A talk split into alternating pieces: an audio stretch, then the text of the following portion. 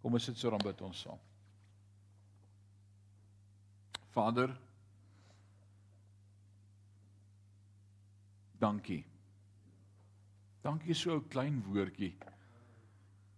En ons gebruik dit so maklik.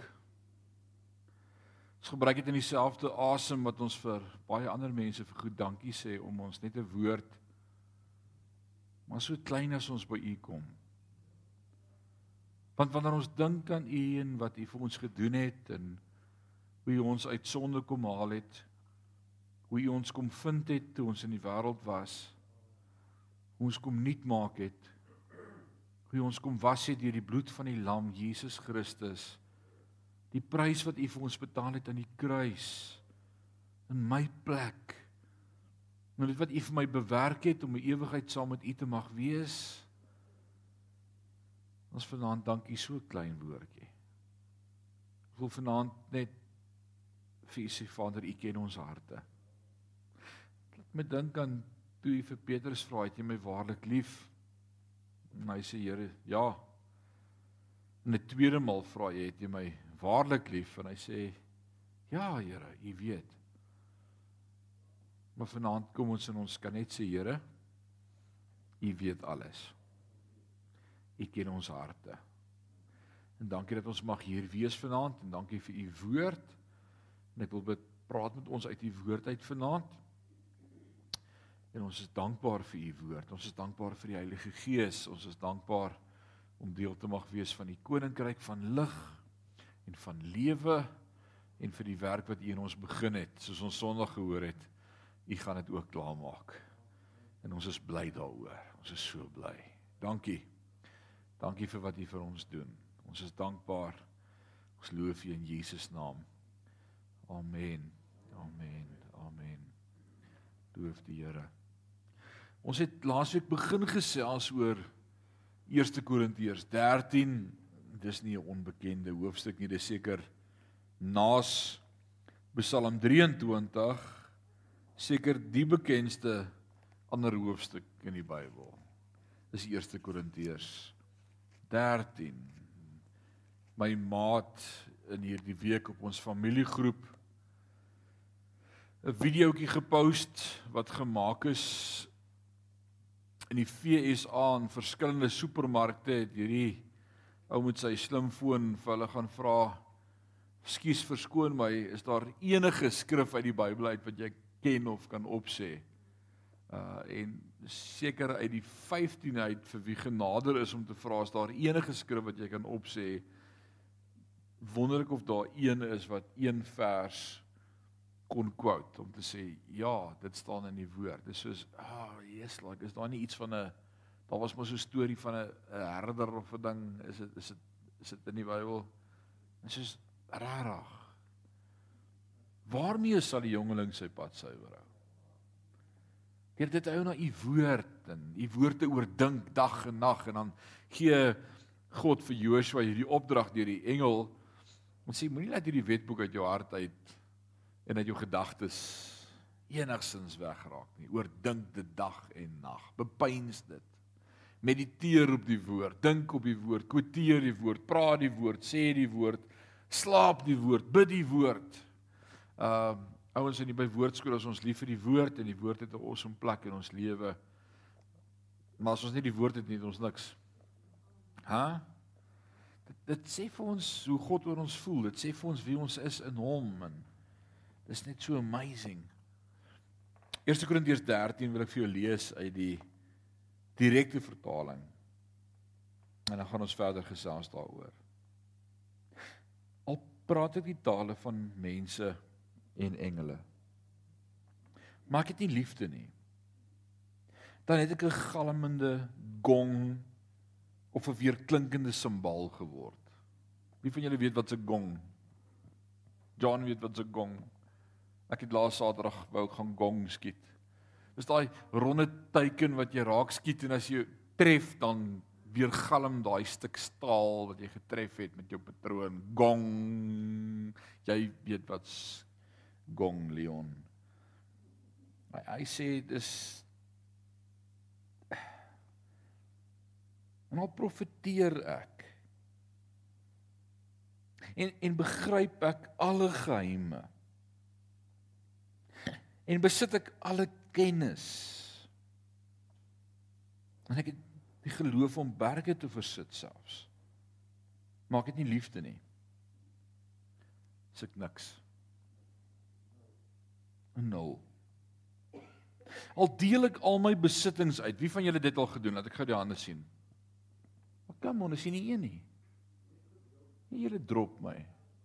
Ek het nou so gedink julle is heilig. Al julle besittings uit te deel.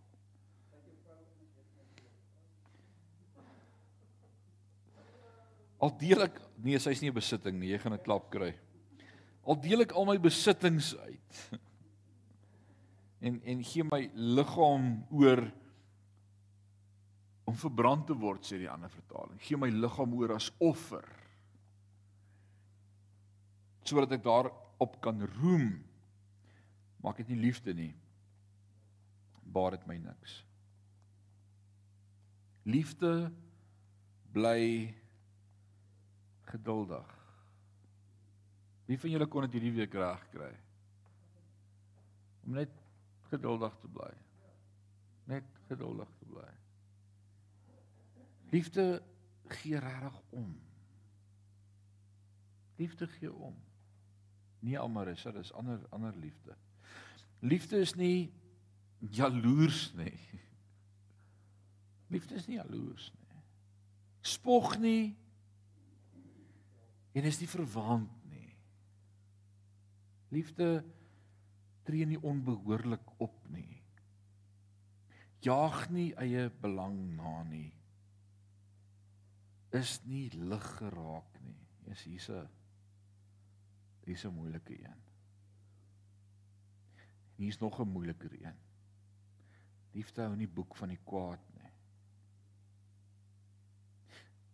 Liefde is nie bly oor onreg nie.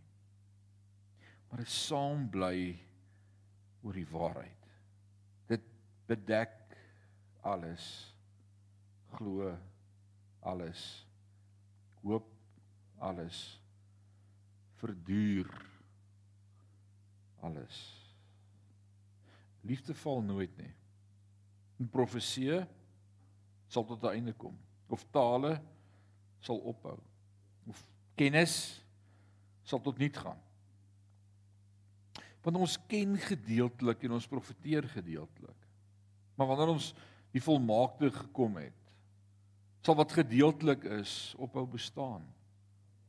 Toe ek nog 'n kind was, het ek gepraat soos 'n kind. Gedink soos 'n kind. Geredeneer soos 'n kind. Nou dat ek volwasse is, het ek die dinge van 'n kind agtergelaat. Nou sien ek wel 'n ge, geheimenisvolle beeld soos in 'n spieël. Maar eendag van aangesig tot aangesig. Nou ken ek slegs gedeeltelik. Maar eendag sal ek ten volle ken soos ek ten volle geken is. En nou bly geloof, hoop en liefde, hierdie drie. Maar maar die grootste hiervan is liefde. Onthou in die agtergrond waarin hierdie geskryf word vir ons. Paulus is is besig om om om terug te skryf op 'n brief wat hy van die Korinte gemeente ontvang het om vir hom te sê baie dankie vir die brief wat jy vir ons geskryf het om ons uit te trap, maar hier's nou 'n paar geestelike vrae. Ons wil daarom net vir jou wys ons is ook geestelik en ons is nie net op die materiële dinge ingestel soos wat jy gedink het nie. Nee, hier's 'n paar vrae wat ons het. Eh, en en hulle vra vir hom allerlei vrae, hulle vra vir hom oor die huwelik. En hulle vra vir hom oor die plek van die vrou in die gemeente. En hulle vra vir hom oor die vleis wat hier om die hoek verkoop word by die slaghuis wat langs die afgodstempel staan. En party van die kerkraad broers koop vleis daar op pad huis toe. En is dit nou heilig of nie heilig nie? En en ander het vra oor die bediening en ander het vra oor sy roeping en sy posisie maar wie's jy nou eintlik om vir ons te skryf wie jou die autoriteit gegee? Paulus as bedienaar van die woord en jy weet die apostels is deur God geroep maar maar wie's jy by the way? Jy was nie een van Jesus se disippels gewees nie en dan vra hulle klomp vrae en hy begin stelselmatig sistematies om dit te antwoord. Dis Die boek Korintiërs is een lang antwoord, maar maar maar Paulus se verstaan van waarheen hy op pad is is fenomenaal. Ek ek ek wonder of my briewe hoofstuk lank sou wees. Maar het hierdie vermoë gehad om dit dit vloei net so van die een gedagte in die volgende gedagte. En hoe meer hulle lees, hoe meer kom hulle in die moeilikheid. Want eers trap hulle uit oor hulle dink hulle is so geestelik en hulle roem daaraan dat hulle geestelike klomp mense is in hierdie gemeente, maar dit mekaar nie lief nie. O, jy het vleis gekoop om die hoek by die slaghuis, ons het jou gesien en dan sê hy dit dit gaan nie eintlik oor die vleis nie, want daar is geen ander god buite God nie. Dit gaan oor die gesindheid. Eet die vleis man, sê vir God, dankie vir die vleis, dit kom alles van hom af. Maar as daai vleis eet jou broer gaan laat struikel, dan jy jou broer nie lief nie, dan dink jy meer aan jouself as aan jou broer, want liefde sê ons konsidereer mekaar. So hy kom met 'n ander invalshoek. So die hele hoofstuk, die hele boek gaan eintlik oor die liefde. Dis die hele boek, dis eintlik die tema van hierdie hele boek en nou is dit in hoofstuk 13 die kulminasie, dis 'n mooi woord, die hoogtepunt van liefde. Dis waaroor hy nog die hele boek eintlik wou skryf en dis die punt waar hy wou aankom en dis waar hy wou arriveer, maar hy het geweet hy gaan hier arriveer want hy tot gaan draai by die geestelike gawes in hoofstuk 12 en sê, "Goed, julle praat oor gawes en en julle roem daarin dat julle gawes besit. Party praat in tale, party praat nie in tale nie. Party het die gawe van genesing, ander van 'n uh, woord van wysheid, ander kennis, ander het vermaaning, ander het om te dien. Julle roem almal dat julle gawes het, maar dis een gees. Ons is een liggaam. 'n Liggaam is nie verdeeld in homself nie, maar ek sien voor my gemeente wat verdeeld is en dit kom net weer terug by wat's die eintlike probleem? Julle het nie liefde in julle harte nie. En dan ons laasweek begin met hierdie gedeelte in Korintiërs 13 wat praat oor wat is regtig geliefde dan? En ek wil vir jou sê as bedienaar wat in die bediening staan besef ek dit elke dag meer. Jy kan nie in die bediening staan as jy nie mense liefhet nie. Jy kan nie. Ek kan nie cracks me up every time as ons voor my kom sit of loop en daar's issues en daar's probleme en daar's it it cracks me up. Dis soos ek vat dit persoonlik. Dis die bediening is taaf, is 'n tawwe plek om te wees. Deur lockdown Ons het survive. Die Here was vir ons gemeente fenomenaal goed. Fenomenaal goed. Dis Vrydag as die Here wil die laaste dag van Maart en dan sit ons finansiële jaar se jaareinde en ons het net so 'n bietjie begin loer na hoe die Here ons gebless het en vir die afgelope 3 jaar deur lockdown te midde van lockdown het ons gemeente elke jaar tussen 10 en 12% finansiëel gegroei. Daar's kerke wat toemaak. Ons kerke wat verkoop word, daar's dominees wat afbetaal word, daar's kerke wat nie meer bestaan nie, wat nie iemand het om te preek nie. Hierdie jaar was die cherry op die koek. Ons het hierdie jaar 61% groei gehad. Is nog 'n geheim, ek sal dit Sondag vir die gemeente sê, maar it it it cracks me up. Hoekom? Want dalk het ons iets van om te verstaan maar gemeente is 'n plek waar ons lief is vir mekaar. Dit dis dis wat dit moet wees. So ons het laasweek gekyk na die na die na die hoëpriester en en, en sommer net die prentjie daar uit gekry van die granate en die klokkies hier onder aan die kleed en en en en en daai klokkies alleen sou net 'n geklingel gewees het wat net raas. 'n Simbool wat net ge, gedonder word, geslaan word. En en en dis 'n Dis geraas in ou se ore, maar daai balans tussen gawes en liefde is waar die harmonie kom en skielik kom daar hierdie mooi klanke uit. Wat vir my sê dat alles wat in die bediening gebeur sonder liefde useless is. Alles. Alles. Van die ou wat by die deure voor groet, van die ou wat die kerk oopsluit, van die faktotum van die ou wat op die terrein werk wat hier skoon maak as as hy dit nie doen omdat hy lief is vir God se mense vir wie hy die plek skoon maak wat Sondag hier gaan bymekaar kom nê se se geraas En ek dank God vir elkeen van ons personeel en vir elkeen wat betrokke is in ons bediening en elkeen wat betrokke is in die span. En as jy nou bietjie nader aan die gemeente staan en jy leer die span ken, dan kom jy een ding van almal agter, is hulle hulle het liefde in hulle harte. En as hulle nie het nie kom praat jy met my, dan wys ek vir hulle liefde, maar daar moet liefde wees. Dit dis ons hart, dis is is liefde. En as jy nie doen wat jy doen vir die liefde van die saak nie, Dan is dit die verkeerde job. Hierdie is nie 'n job wat jy gekies het nie. Dis dis soos die Here het hom vir jou gekies. Dit is jou hart. So na aanleiding van Paulus se vermaning om lief te hê, is die die kulminasie van hierdie gedeelte is om te sê maar hoe lyk liefde? En dan wil ek dit uit die staanspoor sê en ek dink ek het dit laasweek ook gesê. Dis onmoontlik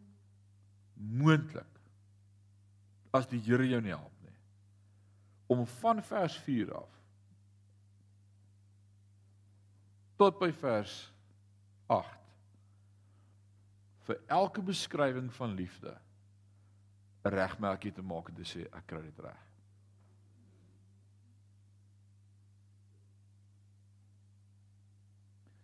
The older I get, the more difficult it becomes. Toe ek jonger was het ek nog stil gebly, het maniere gehad, op jou lippe gebyt of jou tande gebyt. Maar ek dink mos as jy oud word, soos ek ek kan seker nou maar begin sê, dis nonsens. Jy verstaan. Maar dan besef jy die hart en die root van wat jy eintlik doen is as jy liefde nie. Dis 'n moeilike ding, oom Leon. En en ek, en ek, as ons vanaand 'n anonieme poll sou doen en sê hoeveel beskrywende woorde hier is wat liefde beskryf. Uh kom ons stel dit. Is geduldig, vriendelik, nie jaloers nie, blaas nie sy eie beel nie, is nie vol van homself nie, tree nie onwaardig op nie, stel nie sy eie belange voorop nie, is nie kort van draad nie, hou nie boek van die kwaad wat hom aangedoen word nie, treur oor wat onreg plaasvind, juig oor die waarheid, bly stil oor ander se foute, bly steeds vertrou, hou aan hoop, verduur alles 15 punte. En as jy jouself vanaand moet skoor uit 15, wonder ek of ons die toets gaan deurkom. En dan besef ek maar dis hoe God se liefde vir my lyk.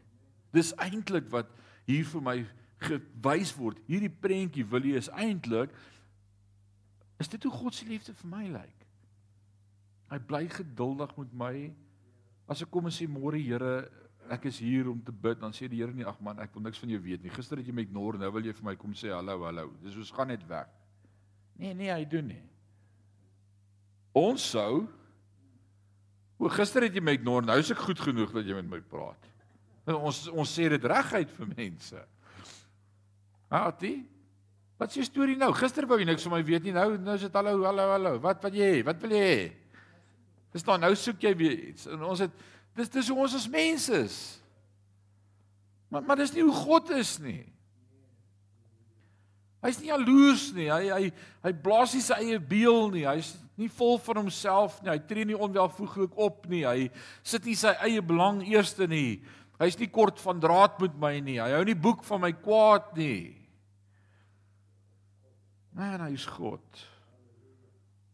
So wat ek wil sê vanaand is as ons praat oor hierdie huwelik van die liefde en ons dink baie keer en veral op troues dan vra paartjies vir my ag pastoor asseblief praat oor 1 Korintiërs 13 dit klink so nice die liefde dan dink ek ag jy het nie 'n klou wat jy vra nie eintlik gaan ek net maar bekering moet preek want ek gaan praat oor wie God is En is net in 'n verhouding van wie God is wat ek kan probeer om dalk so te wees, maar ek gaan val. Ek ek ek kan nie so wees nie. En jy dalk voor die kansel gestaan en gedink jy's dis hoe ons liefde vir mekaar gaan lyk. Jy jy het nie gedink aan ooit 'n mes vat en iemand steek of ek bedoel kwaad word en nee. Maar dis die realiteit van liefde. Kom ons begin by vers 7 vanaand.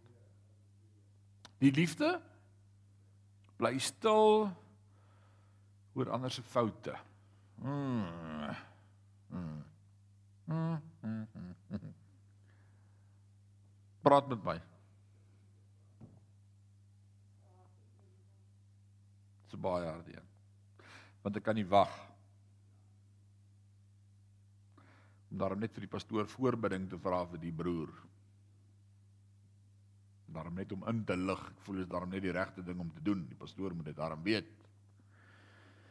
Op by 'n selgroep of by 'n klein groep, te sê ouens ek wil nou nie skinder nie, aangesien ons nou klomp vriende nie is, maar ek het iets op die hart en ek moet iets sê, jy weet, ons ek wil net voorbidding vra vir ons vriendin. En ek besef nie julle dink nie julle weet nie wat se probleem met sy nie, jy weet, maar eintlik kan jy nie wag om dit te sê nie. Dis dis skinder. Maar dit klink so heilig. Weet as as iemand by my kom en sê pastoor ek wil nou nie skinder nie, maar ek voel ek moet dit vir jou sê, dan is dit soos is dit nie skinder nie. Wanneer is skinder nie skinder nie? Ek vra vra, help my.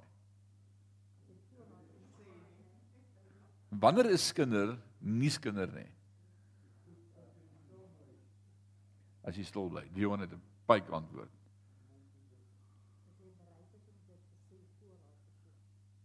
So so wat ek deesdae besef en en ek ek, ek wens ek het vroeër in my lewe hierdie boldness gehad. Maar as as Attie by my kom en vir my sê hoorie ek wil net vir jou iets vertel van Sean, dan sê ek Attie staan net vas. Ek bel gou vir Sean dat hy kom. Sort ons dit sommer nou uit. Want as ons dit nie nou so uitsort nie, nou gaan dit 'n kinders dood. Ek sien nou mos wat gaan gebeur is dit dalk die manier wat ons met skinder moet werk. Want baie mense sukkel om stil te bly oor ander se foute. Dit bly steeds vertrou. Nou raai, dit dui steeds dit bly steeds vertrou beteken te midde van die feit dat ek seer gekry het en ek teleurgesteld is, gaan ek aanhou vertrou. Ek gaan vertrou dit gaan regkom. Ek gaan vertrou daar's hoop. Ek gaan vertrou hierdie situasie gaan omdraai. Ek gaan vertrou dit sal change. Ek ek gaan net aanhou vertrou. Ons sê ek starm 'n realis ook. Die Here het my verstand gegee. Mens stamp net een keer jou kop. klink reg. Mag Paulus sê dis nie soos wat liefde lyk nie.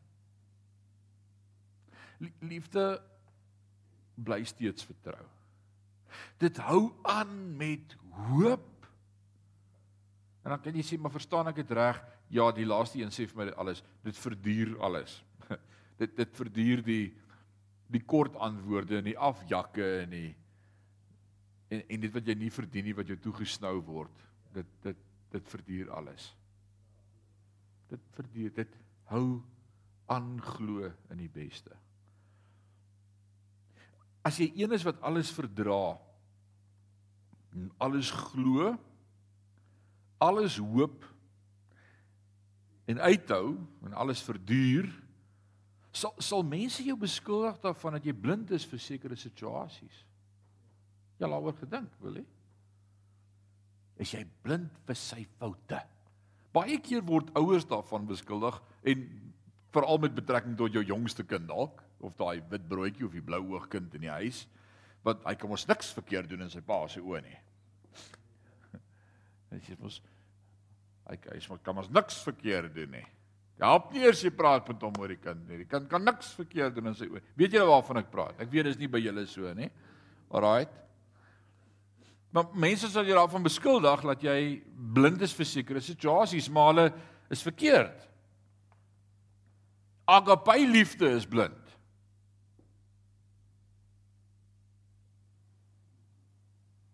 God se liefde in my is blind vir ander se foute.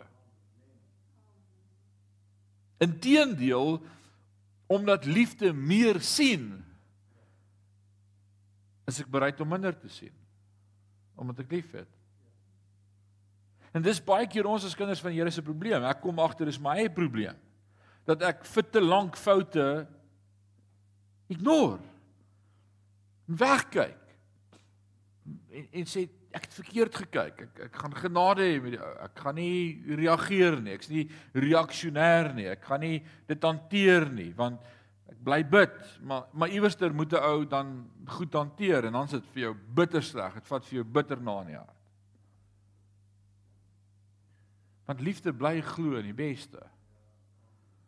So wat ek vir jou wil sê is is daai daai gevoel wat jy oor jou een kind het, daai bloetjie wat niks kan verkeerd doen nie. Daai gevoel moet ons teenoor alle mense hê. Alle alle mense. Jou buurman, jou buurvrou, jou kollega by die werk, daai een wat jou verkeerd opvryf. Die kind wat met jou nice is en die kind wat dit nie verdien nie. Omdat God in my bly, is dit my barometer van hoe ek ander moet lief hê. En my liefde hang nie af van jou optrede nie, maar van God in my. Jesus aarde een.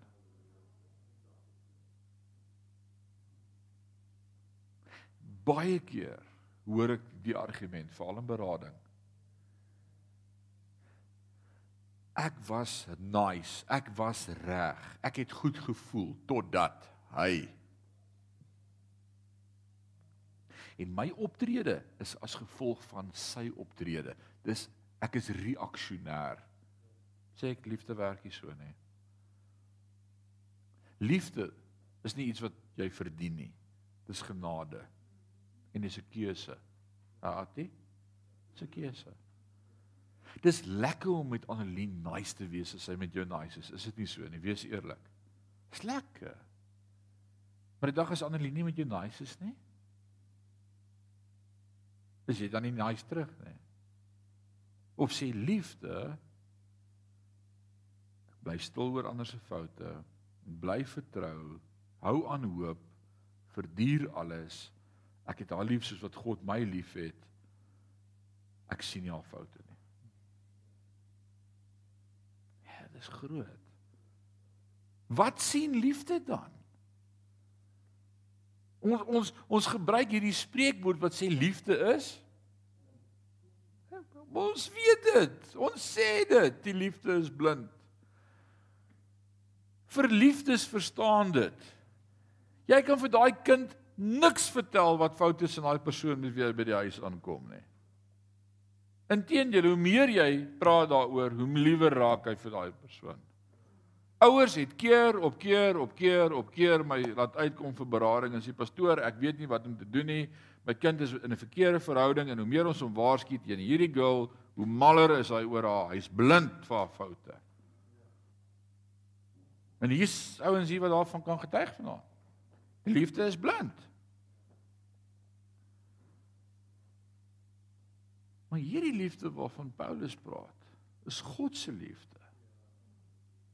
Nou wat sien God se liefde dan? Want liefde moet ook iets kan sien. Dit kan nie net blind wees nie.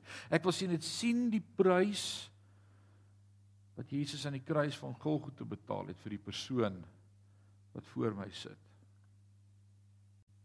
Hm.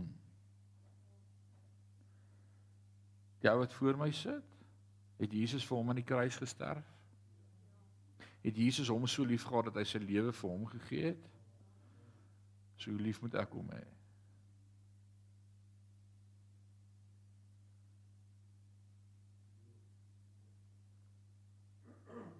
Hierdie persoon wat dreig om my kwaad of bitter te maak, is die een vir wie God sy lewe gegee het. En hoe ouer ek word, hoe duideliker sien ek die werk van die kruis in my eie lewe en in mense se lewe.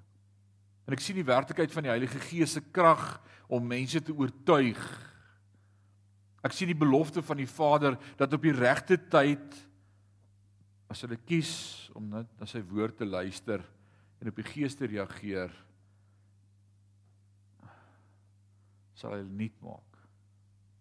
Dis God se belofte. Dis God se belofte. Daarom eerder as om te voel ek moet elke probleem oplos en elke situasie hanteer kan ek eenvoudig die beste van mense verdra en glo en hoop van weer die verbintenis wat Jesus aan hulle gemaak het toe hy vir hulle gesterf het dat hy hulle sal uitsort. Dit het my nogal gehelp om vry te kom.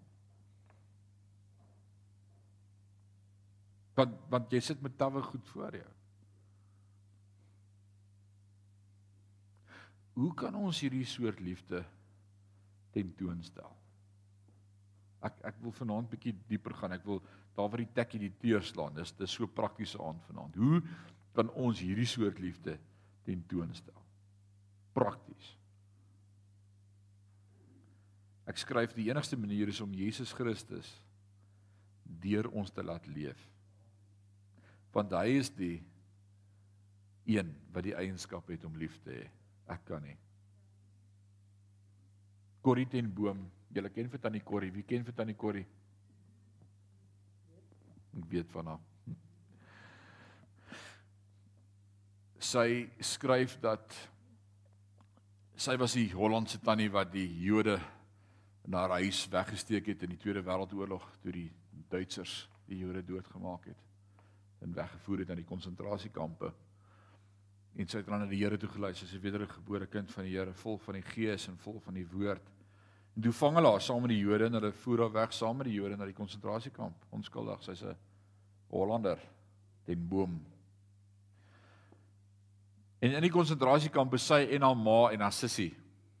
Hulle al drie word weggevoer in die konsentrasiekamp.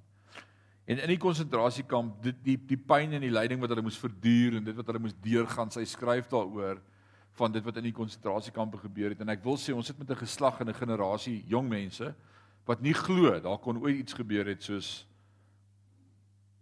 Auschwitz. Dit ek bedoel ons ons ons sê dit was nie daar nie. Daar was nie nasies wat Jode doodgemaak het nie. Daar is nie miljoene Jode wat met hulle lewe betaal het nie. Dis dis dis nee, dis 'n werklikheid. En en die ergste is ons het gesê dit sal nooit weer kan gebeur in die mensdom nie. En hier kom Rusland vir die laaste jaar en val Oekraïne binne en ons bly net stil. and it's happening all over again. In die dag en die uur waarin ons leef, gebeur presies dieselfde weer en ons kyk weg. Inteendeel, ons verwelkom al in Suid-Afrika. Dis is waar's ons op watter planeet waar hierdie korrupsie net aanvaarbaar is en die mensdom maar net gesilence word en stil bly teen wat nie reg is nie. En Corrie sê sy verloor haar sussie en haar ma in die konsentrasiekamp albei sterf haglike omstandighede en hulle baie keer poedelnakend in rye moes staan ten aanskoue van hierdie Duitsers uitgeklee en na die oorlog stap sy in sjoe waar was dit geweest in 'n stad in in Europa. Uh en hier kom hierdie Duitse offisier na haar toe en hy onthou wie sy is en hy kom by haar en sê mevrou ten boom. Hy sê ek het gebid vir 'n geleentheid om een van my victims te kry wat nog oor wat wat oorleef het sodat ek vir hulle kan om verskoning vra. Ek het intussen tot bekering gekom, my hart vir die Here gegee. Ek verstaan die Here het my vergewe en alle sondes is vergewe, maar ek het vir hom gevra vir 'n geleentheid om vir een van my te kan sê sorry.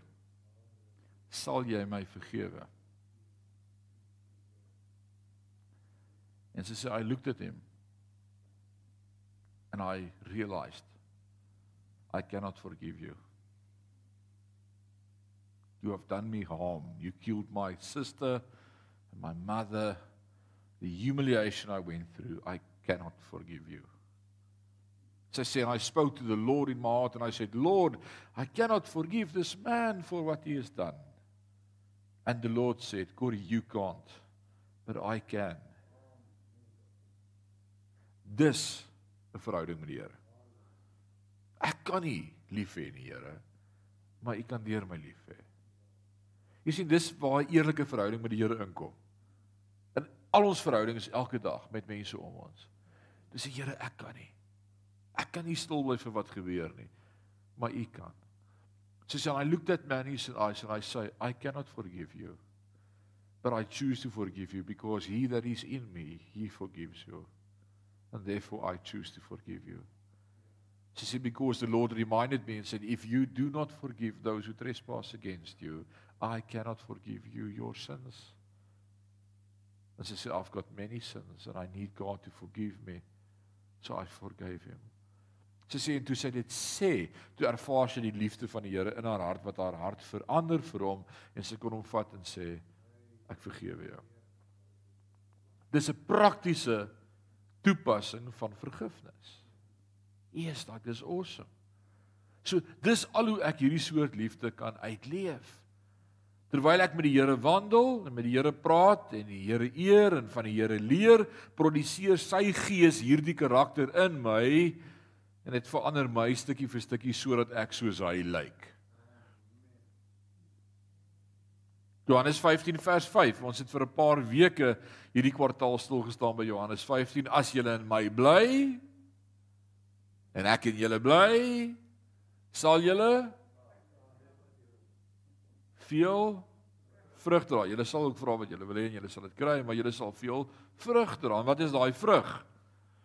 Die vrug van die Gees is liefde.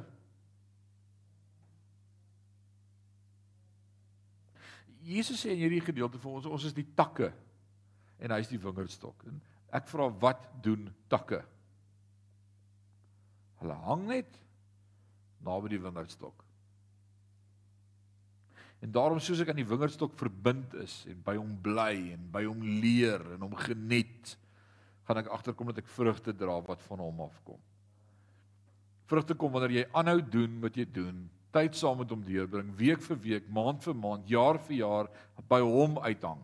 Just hang with him. Dis is Jy kan nie verwag om nooit kerk toe te kom, nooit by woordskool te wees, nooit in die sonnaskool te gewees het nie en jou lewe gaan maanskyn en rose wees en jy gaan nie krisisse beleef nie. Inteendeel ons het vanaand net voor diens vir mekaar gesê as personeel, ons grootste krisis met mense van die straat af wat vir berading wil kom is ouens wat nie die Here dien nie. Hulle is nie in die woord nie, Hulle is nie in 'n onderlinge byeenkoms nie. Hulle is nie deel van die geestelike familie nie. Hulle volg nie God se woord nie, maar hulle wil nou raad hê. Nou hoe nou? Alles moet net goed loop. Ouens, daar's nie 'n quick fix nie. Daar's nie 'n quick fix nie. Jy kyk, jy wag, jy sien, jy leer, jy verander. Stadig maar seker.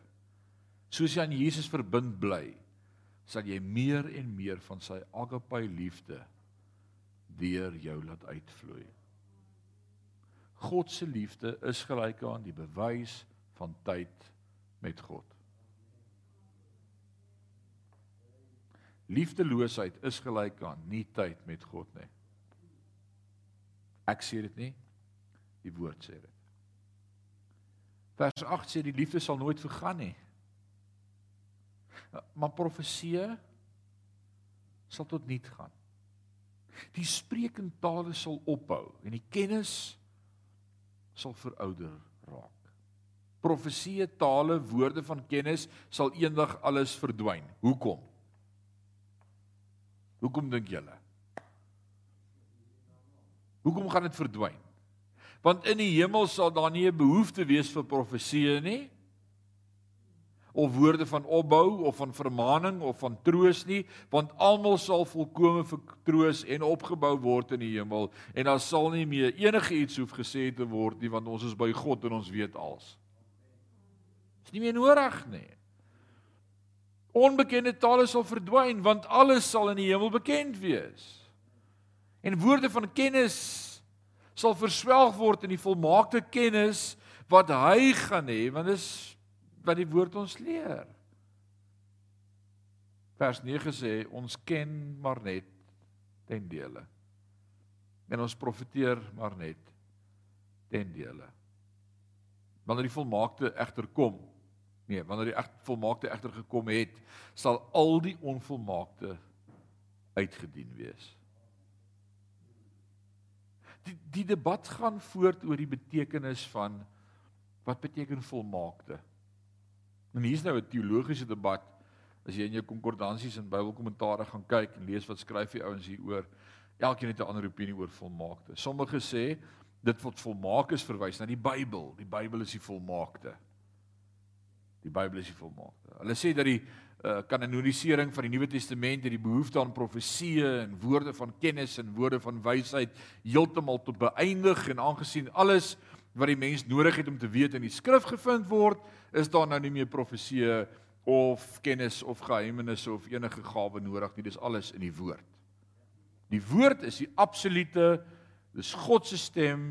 Ons het nie meer die werking van die Heilige Gees nodig nie. Dit staan in die woord.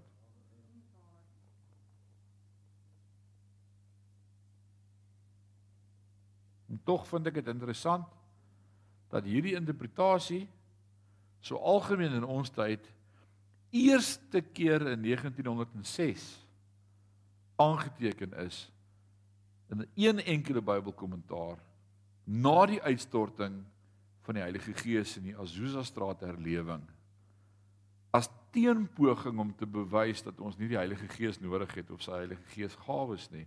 En vir die eerste keer in 1906 na die uitstorting van die Heilige Gees in Azusa straat dit is ook dieselfde herlewing by the way waarin die AGS kerk gebore is in John G Lake se tyd in Johannesburg in Azusa straat vir die eerste keer is daar een Bybel kommentator wat skryf en sê nee, die Bybel is volmaak. Ons het nie hierdie Heilige Gees nodig nie. Ons het hier's alles.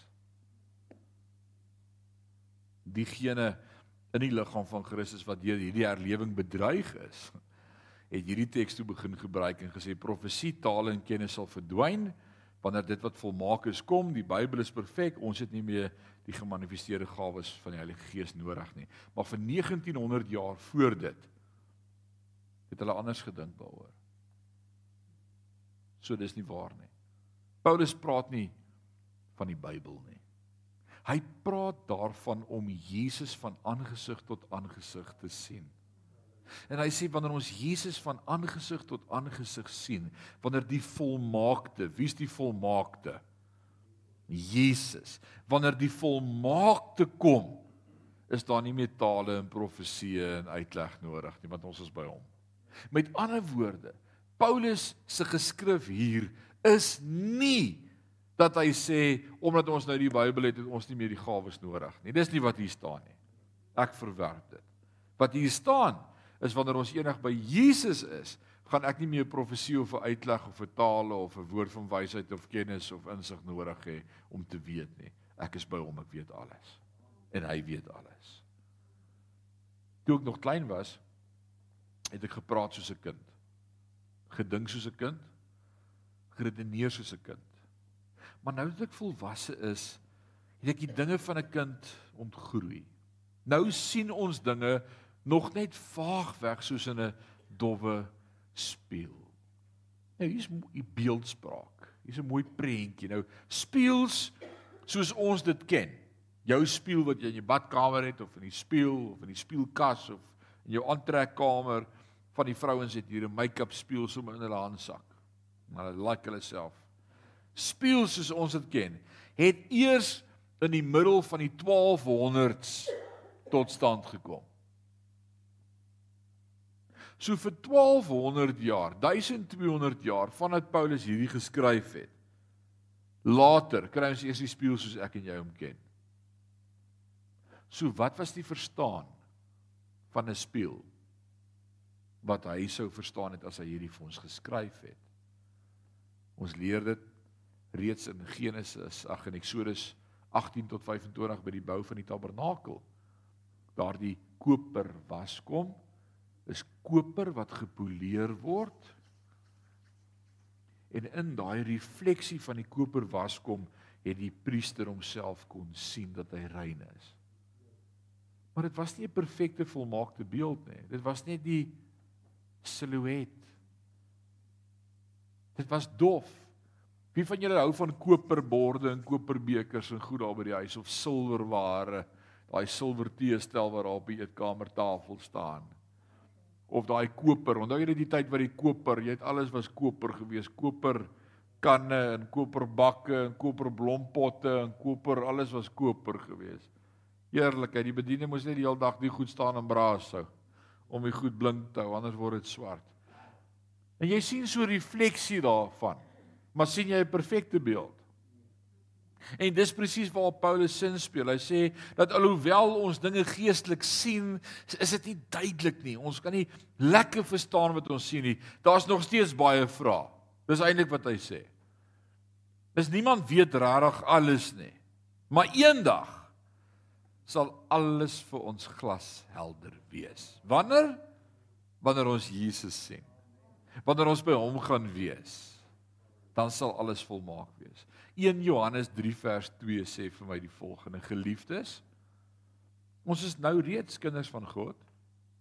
Maar dit is nog nie lekker duidelik wat ons gaan wees nie. Jy sien, ek ek kyk in die spieël en ek weet ek is God se kind, maar ek kan nog nie lekker die prentjie sien van hoe God in my lyk nie.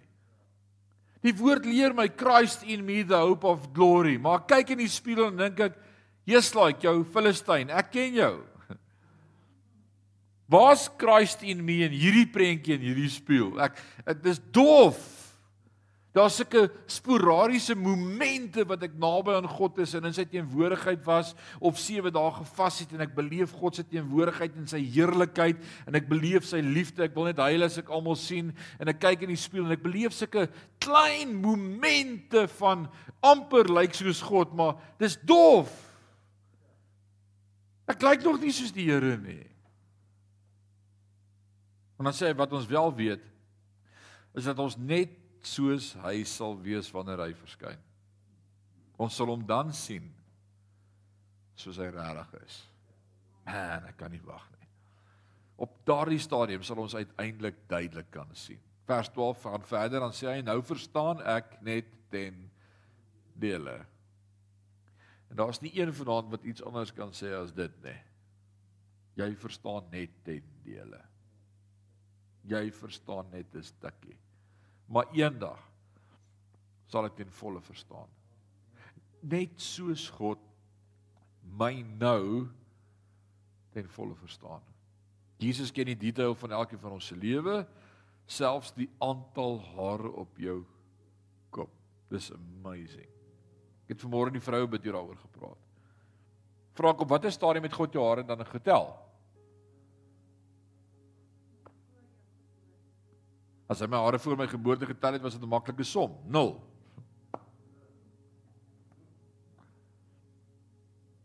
As die Here jou hare vanaand moet tel, gaan party om baie minder besig hou hulle het nie hare oor nie, dis soos weet nie, Here gaan vinnig tel vir jou, jy en jou oom. Op watter stadium het die Here my hare getel? Wat wat eintlik in daai grondteks staan wat so amazing is as jy dit verstaan en dan kan jy dit nooit weer anders verstaan nie is, is daar staan nie die Here het die hare op jou kop getel nie. Daar staan he numbered them. Die nommers van die hare op jou kop is tot genommer dat die Here weet daar val nommer 35290 nou net uit. Dis hoe God hy is dat hy elke oomblik van elke sekond van elke dag van my lewe presies weet hoeveel hare ek op my kop. Hy tel dit nie weer nie. Want hy weet alles. Hy's God. En wanneer ons hom sien, sal ek hom op dieselfde manier sien as wat hy my sien. En dan sê vers 13: Al wat altyd sal bly. Altyd Ons geloof, hoop en liefde. Nou kom ons praat vinnig hieroor. Ek maak klaar.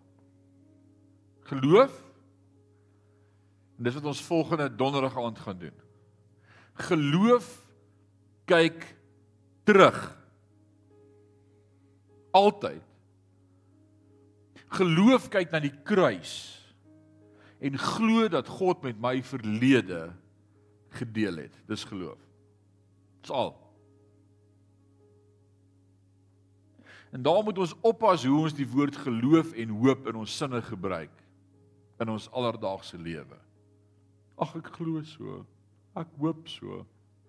Hier is twee kragtige woorde. Geloof deel met die kruis. Geloof laat toe om te omhels wat Jesus vir my aan die kruis gedoen het. Geloof herinner my dat my sonde vergewe is. Geloof Daarom hoef ek nie oor my verlede bekommerd te wees en dit by my te spook nie. Ek het geloof die kruis was genoeg. Ek het geloof. En sonder geloof is dit onmoontlik om God te behaag, want die wat na God gaan met glo dat hy is en 'n waarmaker van sy woord. Hebreërs 10 vers 6. Alraai. En dan hoop. As as geloof terugkyk, waarheen kyk hoop? Vorentoe. En wat sien hoop? Jesus kom. Jesus sê ek hoef nie bekommerd te wees oor die dag van môre nie. Jesus sê hy is met my al die dae van my lewe. Jesus sê ek is ek is nooit alleen nie. Ek het hoop. Ek het hoop, ek het 'n hoopvolle toekoms in Jesus. Ek het geloof vir die verlede, my verlede is gedeel. Ek het hoop vir môre, God is in beheer. Ek het hoop. So waar pas liefde dan in? As geloof vir gister en vir my verlede is en hoop is vir die toekoms waarin ek op pad is, dan's liefde vir nou. Dis al wat ek nou het. En dan wil ek die volgende stelling maak. Omdat ek geloof het en omdat ek hoop het, kan ek lief hê. Ek wil dieselfde definisie vat en sê dit wil sê, dis daai drie kolletjies in 'n driehoek. Dit wil sê iemand sonder geloof en sonder hoop kan nie lief hê nie. En nou verstaan jy hoekom God se agape liefde nie in mense se lewens is nie. Want hulle het nie gaan kniel by die kruis nie. Hulle het nie hoop vir die dag van môre nie. So hoe moet hulle lief hê? Want hulle verstaan nie sy liefde vir hulle nie. Net ek en jy as wedergebore kinders van God wat staan in 'n verhouding met hom, kan vir die wêreld wys hoe lyk agape liefde. So. En hierdie 3, maar die grootste hiervan bly steeds die liefde. So noodsaaklik soos geloof en hoop is sonder Paulus liefde uit as die grootste deeg. Wat is slegs hier liefde wat ons in staat is om op die oomblik op God te vertrou en te reageer, te luister en te doen wat hy van ons verwag. Die persoon wat nie geloof het nie, sal nie die Here kan lief hê nie. En die persoon wat nie hoop het nie, sal nie kan lief hê nie. Slegs die persoon wat sy verlede agter hom gesit het deur die krag van die kruis. Net die persoon wat uitsien na 'n toekoms en die belofte in die hemel deur die kruis kan rarig in die hede lief hê. So amazing hoofstuk. Dit maak dit ou skielik goed verstaan. Nou wil ek jou vra, dis my konfrontasie vraag vanaand vir jou. Het God gedeel met jou verlede? Het jy geloof in die kruis?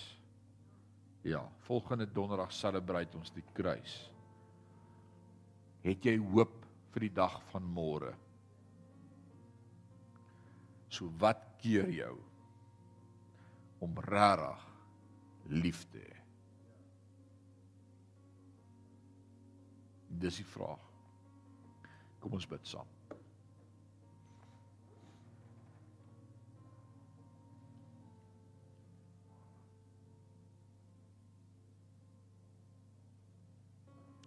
Abba Vader kosbaar is u woord en die teenwoordigheid van die Heilige Gees. Wonderlik om vanaand bewus te wees in die kosbaarheid van die woord, vanaand te beleef hoe die Heilige Gees hierdie woord vir ons oopbreek en vanaand die teenwoordigheid te beleef in ons midde. U wat met ons praat en met ons werk. Ons voel U in ons teenwoordigheid. U is hier. En ek wil vanaand bid Vader dat U U wat Filippense 1:6 Paulus sê U wat die werk aan ons begin het wat dit sal volëindig. Daai daai werk van die verlede, geloof en die toekoms hoop. Ek wil bid vir 'n uitstorting van u liefde in elkeen van ons lewe. U gemanifesteerde liefde, u agape liefde wat vergewe, wat omhels, wat hoop, wat verdra, wat ons van gelees het in Korintiërs 13. Mag Sion 'n plek wees waar hierdie liefde beleef en ervaar word. Vader, ek bid U dat U hierdie liefde in ons elkeen se hart sal uitstort. Vir 'n wêreld wat verlore is sonder U, gee ons empatie en liefde vir hulle om ook Christus met hulle te deel.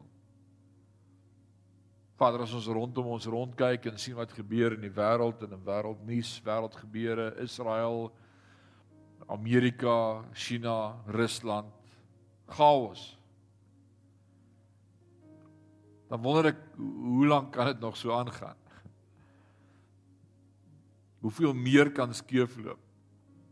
En dan besef ek ons is op die vooraand van die wegraping van Jesus Christus wat ons kom haal. En en ons wil vanaand bid en sê Maranatha, kom Here Jesus. Ons ons verwag U.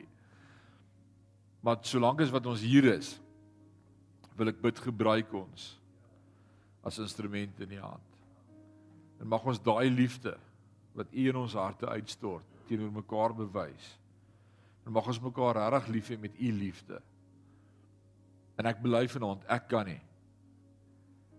Maar Christus in my kan. Want dit maak die verskil. Mag ons hierdie liefde met mekaar deel. Ons eer U daarvoor. Vandag ons in die liefde. Ons wil bid vir volgende naweek se dienste. Ek wil bid dat daar mense sal kom kniel by die kruis.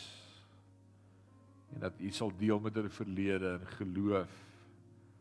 Dat ons opnuut sal hoop kry vir die toekoms, want Jesus het opgestaan uit die dood. Hy is nie meer dood nie, hy leef. U leef in ons. En uh, ons eer U daarvoor word verheerlik in Jesus naam. Amen.